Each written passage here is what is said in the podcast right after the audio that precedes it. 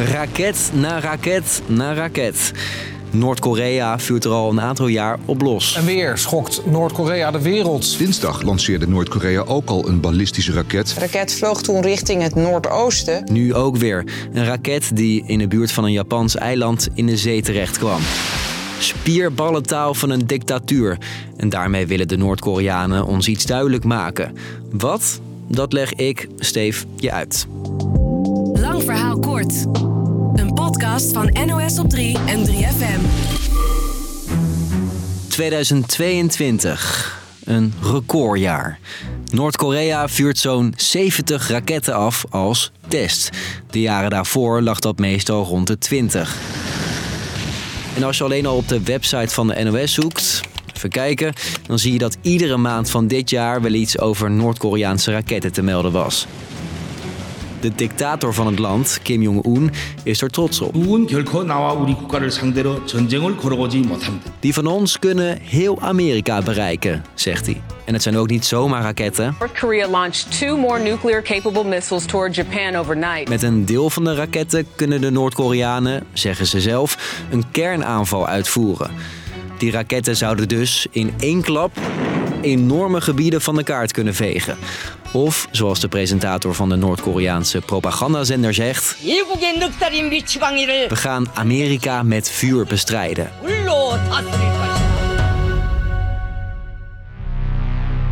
Waarom lanceren zij al die raketten? Om dat te begrijpen moet ik je eerst de relatie tussen Noord- en Zuid-Korea uitleggen. Lange tijd was er helemaal geen Noord en Zuid. Het was gewoon Korea. Maar dat verandert na de Tweede Wereldoorlog. Het land wordt in tweeën gedeeld. Een communistisch noorden dat steun krijgt van China en de Sovjet-Unie.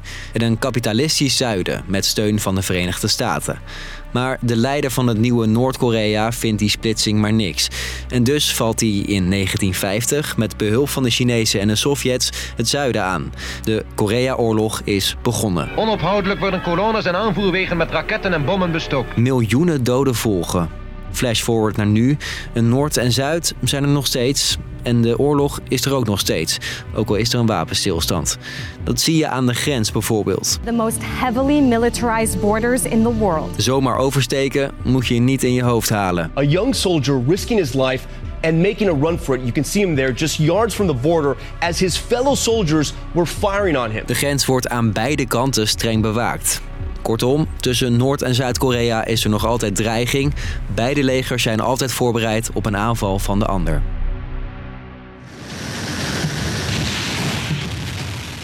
Met die raketten wil Kim Jong-un, de leider van Noord-Korea, laten zien: met ons valt niet te. En het uiteindelijke doel, zegt correspondent Gary van Pinksteren, Nou, ze willen eigenlijk uiteindelijk een lange afstandsraket hebben. Een ballistische raket die eh, de kust van Amerika kan bereiken. Dat hebben ze waarschijnlijk al wel nu. Maar ze willen dat het dan ook een lange afstandsraket is waar ze een kernkop op kunnen eh, monteren. Zodat ze dus Amerika ook met kernwapens kunnen eh, bereiken. Want Noord-Korea ziet Amerika, een groot westers land, als grote vijand.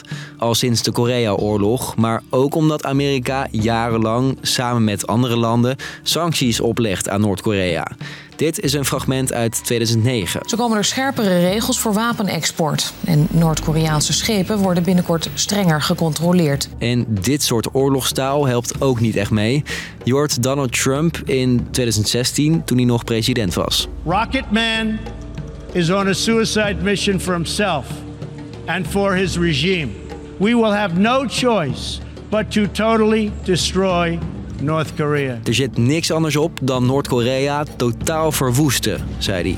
Naast afschrikken wil Noord-Korea ook aandacht trekken. Want Noord-Korea voelt zich steeds meer ingesloten door de Verenigde Staten. En ook eh, ziet bijvoorbeeld het samen, de nauwere samenwerking tussen Japan, Zuid-Korea en de Verenigde Staten eh, met, met argusogen aan. En dat aandacht trekken, ook dat proberen ze met hun raketten.